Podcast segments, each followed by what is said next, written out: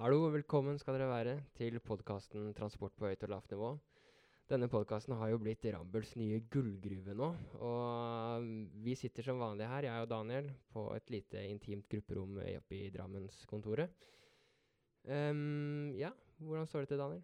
Jo, nei, eh, det står greit til. Jeg er litt overraska over dere sier at dette har blitt en gullgruve, da. Men uh, det er jo veldig godt for oss, for da er vi vår fremtidige Rambøll sikra nå uh, framover. Får håpe det. Ja, ikke verst. Men uh, Torbjørn, siden sist, hvordan går det med deg? Har du gjort noe spennende transportmessig? Jeg har gjort noe transportmessig. Jeg har jo vært har jo vært i utlandet. Jeg hadde en høstferie og var i Spania. Ja, Og hva gjorde du der? Gikk mye på fjelltur Ja. i Spania, og så var vi litt på stranda. Du har ikke bare ligget på beachen, med andre ord. Ikke bare beachen. Det var litt dårlig vær òg. Så fint med de turer da.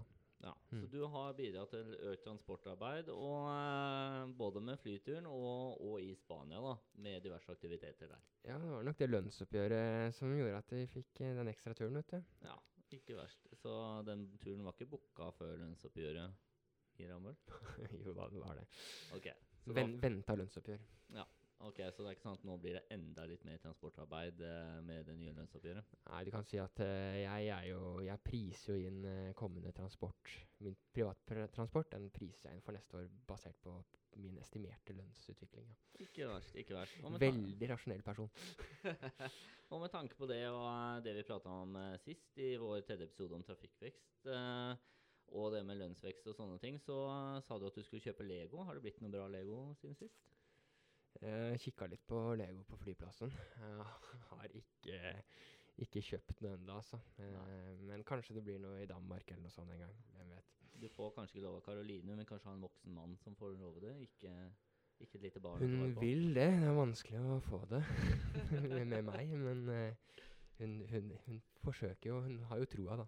Ja. Mm. Ikke verst. Så litt mer transportarbeid der. Eh, ved en transportarbeid og transport generelt. Dagens tema for episoden er jo bompengevalget. Eh, så det Torbjørn og jeg skal gjøre, er at vi skal rett og slett kaste en brannfakkel ut. Eh, litt sånn eh, ja, vet ikke helt hvor. Kanskje mulig mot noen drivstofftanker. Og så håper jeg at eh, vi klarer å ta opp den sånn i løpet av episoden. Eh, målet er jo da å på et faglig, faglig vis da eh, diskutere ja, litt det bompengevalget som har vært, og, og bompenger og ulike eh, måter å dra inn penger på, da, og effekten av dem sånn transportmessig. Ja, absolutt. Og ja. Vi har jo hatt et valg bak oss nå, et kommunal, kommune- og fylkesvalg som har vært utelukkende prega av eh, bompenger, så hvorfor ikke dra det opp på nytt nå, tenker nå jeg. Um, nei, men det har vært et stort tema, det. Uh, jeg har jo sett litt på noe statistikk nå etterkant av valget. Um, for Oslo og Drammen. Ehm, og det har jo vært to Befolkninga har aldri vært mer polarisert enn det de har vært nå. Uh, vi har I den ene enden så har vi jo Miljøpartiet sine velgere, som åpenbart er veldig for bompenger. Uh, motsatt henne så har vi jo Folkeaksjon Nei til bompenger eller Nei til bomring, eller eh, det partiet. Um, og befolkninga er splitta, og dem er splitta på svært geografiske områder. Um, F.eks. inne i Oslo, innafor Ring 2, eh, og da altså innafor bomsnittet, som man veldig tydelig kan se hvis man drar opp et kart over bom, eh, bomringen i Oslo, eh, så er det definitivt den høyeste MDG-andel. Og, og i Oslo utenfor eh, bomringen, litt på østkanten gjerne, så er det definitivt den høyest eh, folkeaksjon nei til bompengerandel. Og den ulikheten i, eh, i disse mm, oppslutningene er så stor at MDG-andelen innafor Ring 2 er fire-fem ganger høyere enn i Oslo øst, i den eh, valgkretsen som hadde lavest MDG-andel. Um, og motsatt så er det seks ganger høyere folkeaksjon nei til bompengerandel i Oslo øst enn det det er inne i Ring 2. Så det er åpenbart at det er dem som betaler, som eh, stemmer nei til det, og det er dem som får det gratis, som stemmer ja til det. Det er jo en, eh, kan vi si at det er en veldig sterk indikasjon på at eh, bosetningen vår påvirker eh, ja, vårt ståsted når det kommer til dette her, spesielt med bomring, da, som er en sånn bysentrum sentrum, hva skal jeg si, versjon av det med bompenger. da. Ja, definitivt. Og det som man på en måte kan se tendenser på i den statistikken vi har nå, er jo det Hvis man kan hva skal jeg si for noe, snu litt på krona på det, så er det jo da potensielt sett veldig mange miljøvelgere som eh, kanskje også stemmer miljøpolitikk fordi de potensielt sett ikke bærer kostnadene av politikken, eller at de lettere også kan tilpasse seg ny politikk, siden de bor såpass eh, gunstig til, da.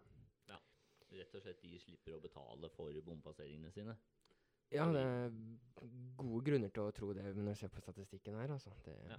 ja. De passerer jo ikke bommen med bil, de bruker jo da bare i så fall sykkel f.eks., som er gratis uansett. Mm, mm. Ja, ikke verst. En annen ting som uh, kan være greit å si, Torbjørn, i den sammenheng, er at uh, ja, uh, kostnadsfordeling og sånt, så det du sier, men det kan også være at de miljøforkjemperne, for la oss kalle det det, Mm. har valgt å bosette seg i sentrum for å kunne sykle og gå til jobb. da.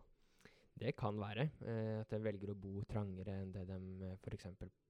ville gjort hvis de hadde bodd utenfor, fordi de ønsker å leve mer miljøvennlig. Ja, Og så er det jo også en annen kjempefordel med det å bo i sentrum, og det at man får kort reisevei. da. Ja. Men igjen så er det sikkert en del også som selvfølgelig må bo utenfor fordi de ikke har råd til å bo sentralt. Så det går jo alle veier. Ja, og da får du jo gjerne den der at du må ha, ha bil og sånne ting som koster mer penger, så kanskje det totalt sett er eh, like dyrt eh, å bo både sentrumsnært, fordi du har en høyere kvadratmeterpris og sånne ting, Mm. kontra å bo utenfor, og at eh, den der transportkostnadene her da veier opp for kvadratmeterpris på bolig osv. Men det som egentlig man også, også bør eh, lufte, da, er jo det at de aller eh, Dem som har eh, aller dårligst råd, eh, dem bor jo sannsynligvis langt utenfor byen og har i tillegg ikke tilgang til bil. Og for dem så vil bompenger være en stor fordel eh, ved at de får bedre kollektivtilbud da, eh, inn til byen f.eks. Ja. Så det er eh, en veldig mange sider ved denne saken som har gitt et stor oppmerksomhet i valgkampen. Ja, og det kan vi trygt si. Og det er vel litt det, i hvert fall jeg, Torbjørn, som trafikkingeniør og fagperson innenfor dette her, når det gjelder denne valgkampen, så er det eh, det er veldig naturlig å ha ulike sider og synspunkter rundt dette med bomring, vanlig bomsnitt i, ja, for strekninger da, på veier, og også det med rushtidsavgift og veiprising og sånne ting. Men det jeg ser, er at veldig mange argumenterer for de ulike sidene de mener, og sånne ting, men bruker argumentene feil. Fordi de har en misoppfattelse av, av hva f.eks. rushtidsavgift er, og blander disse her forskjellige effekter, både positive og negative, med liksom de ulike versjonene av bompenger. da. Jeg tror det er veldig mange misoppfatninger der ute, folk som ikke nødvendigvis har satt seg godt nok inn i ting. Jeg har også overhørt samtlige ganger på både tog og Til og med på Gaustatoppen var jeg en gang og hørte noen diskutere bompenger i Oslo.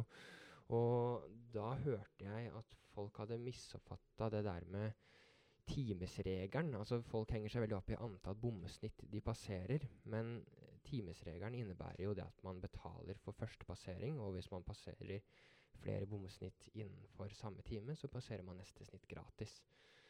Eh, så eksempelvis i Oslo, da, med nye bypakke Oslopakka der, så har det jo sikkert vært en del som har bodd langt utenfor Oslo, som nå betaler mindre totalt sett enn før i bompenger, mens det er flere som bor sentralt som betaler i tillegg. Eh, så de totale bompengeinntektene til samfunnet har gått opp. Men eh, for enkelte som bor mer usentralt, så kan det hende at de betaler noe mindre enn det de gjorde før. Det er, eh, ja, det er bare at flere må betale for det i det nye bompengesystemet som er i Oslo. Et eksempel på det at det faktisk er mange sider av dette her med bompenger, og kan til dels være komplekst. Og det, det er jo litt det denne podkast-episoden her forsøker å gjøre, da, Torbjørn, hvor vi skal forsøke å prøve å rydde litt opp i dette her. Eh, vi, vi føler et litt sånn sterkt behov for det som, eh, som fagpersoner, eh, og vi tenkte da de fire nevnte typene for eh, de mest vanlige og mest omdiskuterte måtene å, å se på det med bombe, bombetaling på, da. Ja. eh, og gå litt igjennom de. Eh, og Det er kanskje naturlig å starte med det første og kanskje mest enkle, og det vi har hatt mest av i Norge, som vanlig bompengesnitt for type veistrekninger, Torbjørn. Eh, tar du en introduksjon der? Ja, det er vel De fleste kjenner vel til den tradisjonelle bom, bompengeinnkrevinga, hvor man opprinnelig starta med bompenger for å finansiere veiutbygginga. Eh, og det har jo vært mye mindre konfliktfylt enn de nye type bompengesystemene som er bomringer rundt byer. da. Eh, bompenger på en strekning er jo noe bilisten drar direkte nytte av ved at ny vei blir bygd, og landets veinett kan også bli bygd raskere ved en bompengefinansiering og statlig finansiering som går sammen, enn hvis staten skulle betalt alt. Da, da ville utbyggingen gått tregere, da. Så um, det er, det er noe bilistene har større forståelse for. De drar direkte nytte av um, den nye veien, og forstår derfor også at de må betale for det i større grad, i hvert fall enn det de gjør i en bomring rundt en by. For en bomring rundt en by, det går jo inn i en bypakke. Og en sånn bypakke det skal jo finansiere mye annet enn bare veiprosjekter. Da er det jo mye kollektivsatsing og gangsykkelsatsing etc. også. Um, som bilistene da betaler for. Og det er jo her kjernen til den store, hete diskusjonen ligger, da. Ja. Så for en sånn praktisk eh, for trafikanten, så er det det med en vanlig strekning, så er det gjerne et nytt prosjekt. Du betaler direkte for å kjøpe den strekningen, og til gjengjeld så får du både bedre trafikksikkerhet på en ny vei og kortere reisetid, som er den først og fremst uh, hovedessensen, da, eller fordelen du får. Mens uh, bomring, da er det jo uh, litt annerledes. For da er det jo gjerne at du som bilist, da er jo det som er vanlig at du betaler, mens pengene nødvendigvis ikke går direkte til veiutbygging. Det blir jo gjerne brukt til litt andre tiltak. Ja, det gjør jo det, og det er jo et resultat av den overordna samfunnsplanlegginga vi ønsker å legge opp til. da. Man ønsker jo å få flere til å velge, velge kollektiv, gang og sykkel. Og hvis man skal få til det, så er det klart at man må hvert fall all transportforskning sier jo det at man må, man må inn med litt pisk, ikke bare gulrot, for å få folk til å endre reiseatferd. Um, så Men det er selvfølgelig Det biter jo for dem som må betale. Ja, det kan man si. Men det er jo Eh, hovedessensen her er jo, og det som diskuteres mest og er mest vanlig, er jo at eh, man tar en, um, en, avgift for å passere en ring inn mot en by. Eh, og de pengene som kommer inn der, brukes til å bygge ut tilbudet innen spesielt gang og sykkel og kollektivtransport. For å gjøre de tilbudene der mer attraktive, og få både transportveksten eh, til å benytte de transportformene, og også helst flytte noe av den eksisterende trafikken som er innenfor motorisert trafikk, da, mm. over på f.eks. gang, sykkel og da, eller kollektiv. da. Mm. Um, og det, det, som er litt eh, eksepsjonelt med bompenger, da, i, og, i bomringer f.eks., eh, kontra andre kostnader med bil, er jo det at bompenger det er jo en direkte, direkte kostnad som kommer når du velger å kjøre en ekstra tur med bilen din. Det er en såkalt eh, marginalkostnad. Um, eh, mens f.eks. årsavgiften, som nå da er bakt inn i forsikringa, som ligger på rundt 3000 kroner, det er jo en sånn fast kostnad du uansett betaler. Hvis du hadde i et sånt eh, trafikkperspektiv for å, og målsetning om å redusere trafikken, så burde man egentlig eh, fått eh, fjerna årsavgiften for den gjennomsnittlige bileier, og så heller lagt på de 3000 kronene som årsavgiften tilsvarer på bompenger i en marginalkostnad. Fordi det er marginalkostnadene, eller de direkte kostnadene ved å kjøre en ny tur, som påvirker hvor mange turer du velger å kjøre i stor grad. Ja, Den årsavgiften er mer en sånn fast kostnad som heller i større grad da påvirker eventuelt et bilhold, da, om du velger å eie bil eller ikke. Ja, Det vil jo egentlig si at du merker hver enkelt kjøretøy mye mer på lommeboka di. Du blir mye mer bevisst på at denne her kjøreturen du skal ta til butikken f.eks., mm. har eh, medført en ekstra kostnad der og da. Mm. Ja, så ved å legge om eh, f.eks. bilavgiftssystemet fra faste kostnader til mer variable kostnader, eller eh, turkostnader, altså at man betaler etter forbruk, så vil man jo eh, få et lavere, mer rasjonelle bilturer, da. Ja. Reisemønsteret endrer seg med andre ord fordi man opplever kostnaden mye mer direkte knytta til hver enkelt kjøretur.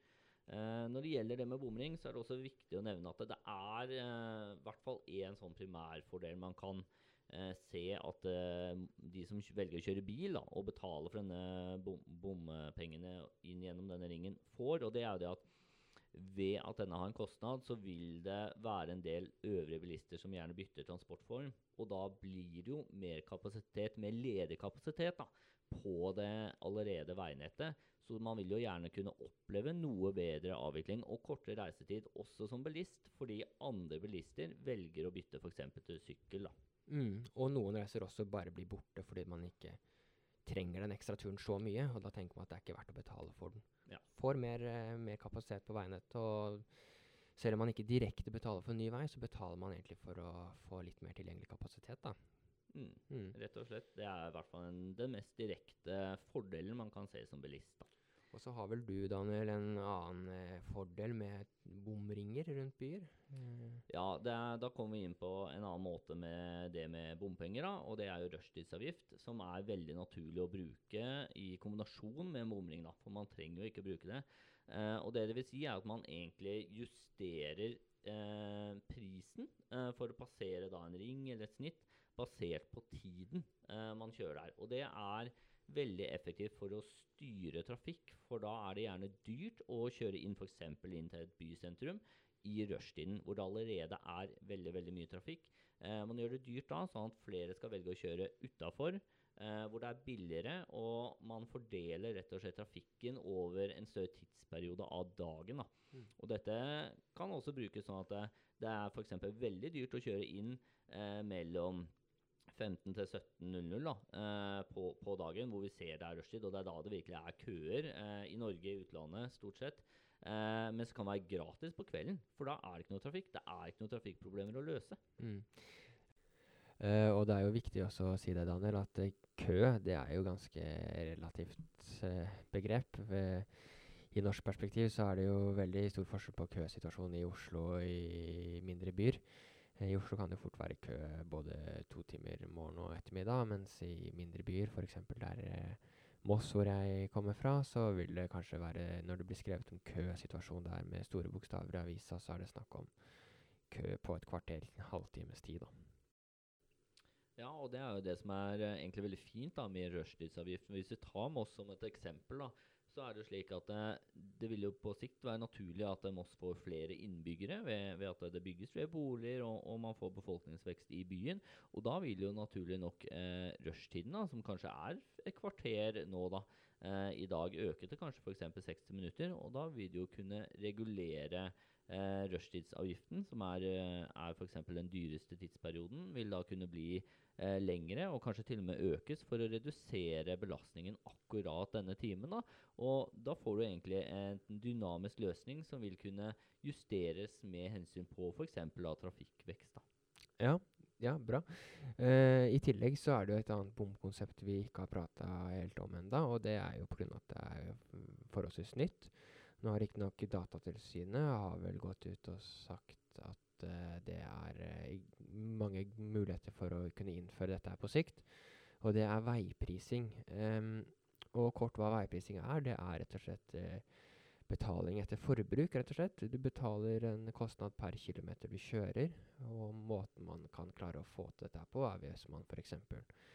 installerer en boks i bilen, eller i alle biler, eller en programvare som klarer å loggføre når du kjører og hvor du kjører. Så det høres jo veldig skummelt ut, men vi får nå håpe at ikke den boksen er produsert av Huawei eller noe lignende.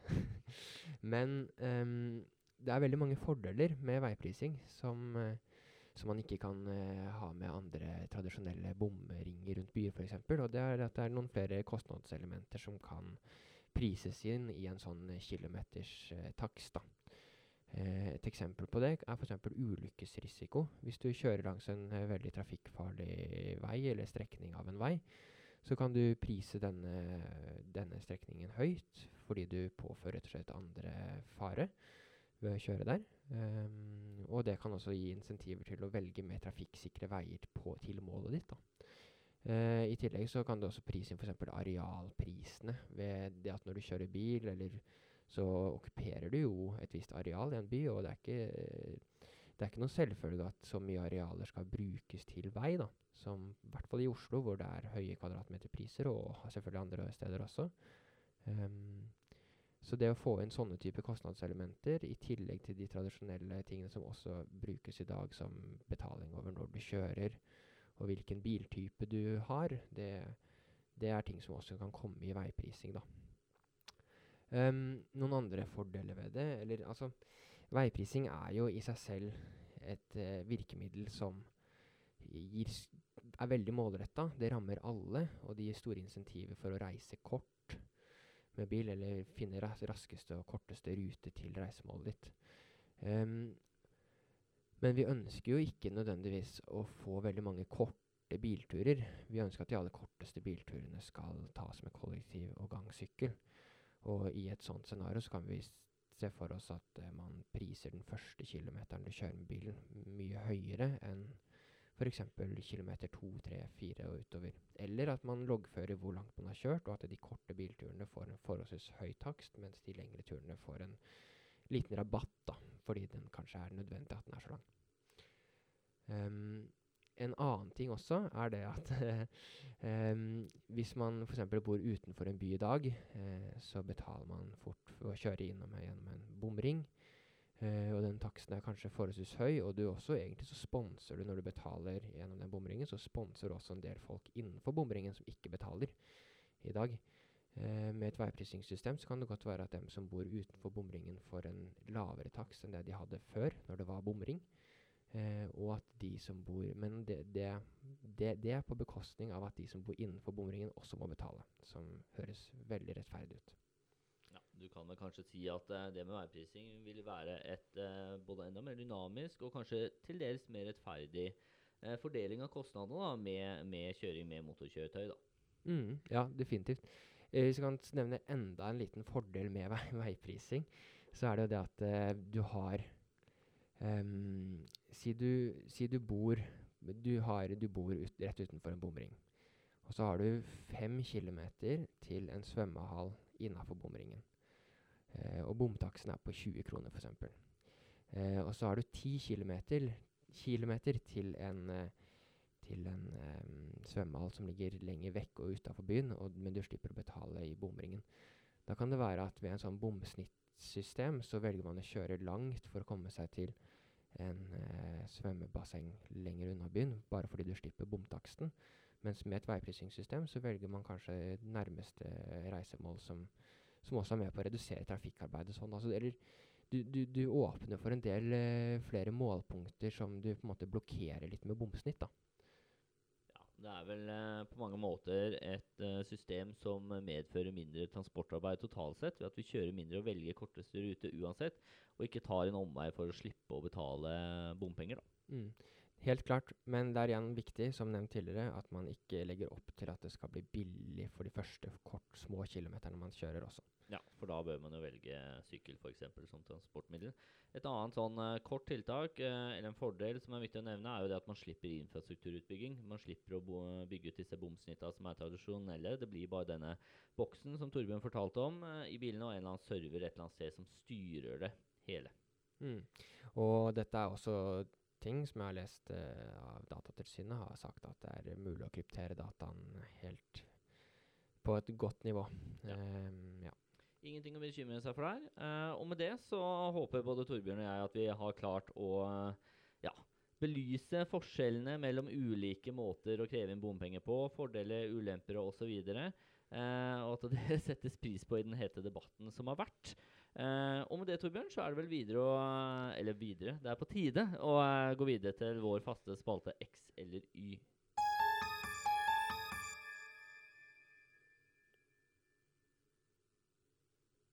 ja, jeg har hørt my mye om denne X eller Y-en i dag. Daniel kom på kontoret i dag og sa at han gleda seg til uh, innspilling fordi han hadde en så veldig bra X eller Y, så nå har jeg høye forventninger her, da. Ja, nå er det, dette her er veldig bra, eh, syns jeg da i hvert fall. Men, men eh, for, for å presentere denne Excel-revyen, eh, som selvfølgelig handler litt om bompenger eh, i den sammenheng, så, så er det viktig å fortelle litt om deg. Eh, og jeg, vi er, kjenner hverandre relativt godt, Torbjørn, og jeg vet jo at du har en hemmelig drøm. eh, og ja, jeg er villig til å fortelle om dine hemmelige drømmer for å Oi, oi, oi. Skape, godt podkast-innhold. Eh, du, du har jo veldig lyst til å bli influenser, eh, og et bevis på det er jo Instagram-kontoen din, hvor du heter Influstig. Ja, jeg heter Influstig på Instagram for de av dere som eh, ønsker å følge meg. Eh, grunnen til det er at jeg rett og slett ble kalt Stig på et tidspunkt på videregående. Eh, av navnet mitt Stigen. Eh, bare for å forklare det også, da. Ja, I tillegg til at du har en drøm om å bli influenser. da. Ja. uh, og i den sammenhengen så har vi da X eller Y, uh, som handler om dette her. Uh, og spørsmålet er Hvis du kan velge mellom å bli sponsa av bompengeselskapene i Norge. Dvs. Si at du kan kjøre gratis gjennom alle bomsnitt, bomringer, alt mulig i hele Norge. Eller du kan eh, Og her er en annen viktig, viktig ting å vite om Torbjørn. Han driver også med cardio. Han løper en del maraton, halvmaraton osv. Eh, og trener relativt strukturert i forhold til det. Eh, og i den sammenheng så blir da Y-alternativet om du kunne tenke deg å bli sponsa av en valgfri eh, type sportsdrikkprodusent. da. Eh, og, og få, få gratis sportsdrikke i tillegg til vanlige reklameartikler. Du må løpe rundt med deres T-skjorter og sånne ting. Eh, få litt eh, ja, sukker, taurin, haug med koffein i disse drikkene. Ja, det var litt av et spørsmål. Første tanke som slår meg, er at hvis jeg ønsker å bli influencer, eller fortsette å være influencer, får jeg vel si, da, så, så, er det. Så er det viktig så tror jeg det er mer hett å bli sponsa av en sportsdrikkprodusent enn å bli sponsa av et bompengeselskap. Men til gjengjeld så blir det den første som noen gang blir sponsa av et bompengeselskap. Ja, det er ganske mange influensere som blir sponsa av sportsdrikkprodusenter.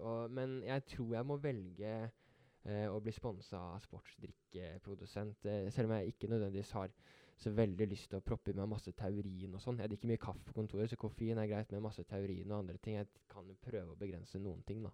Men, um, ja. da, da, høres det ut som du får nok koffein, men for lite taurin i dag, da, Torbjørn? Ja, men du sa vel at jeg også kunne bli sponsa med litt treningsklær og litt sånne ting? Ja, du, du blir jo ikke sponsa med det, men du blir egentlig tvungen til å løpe rundt med logoen deres eh, på ja. alle maraton ja, du løper, ja. osv.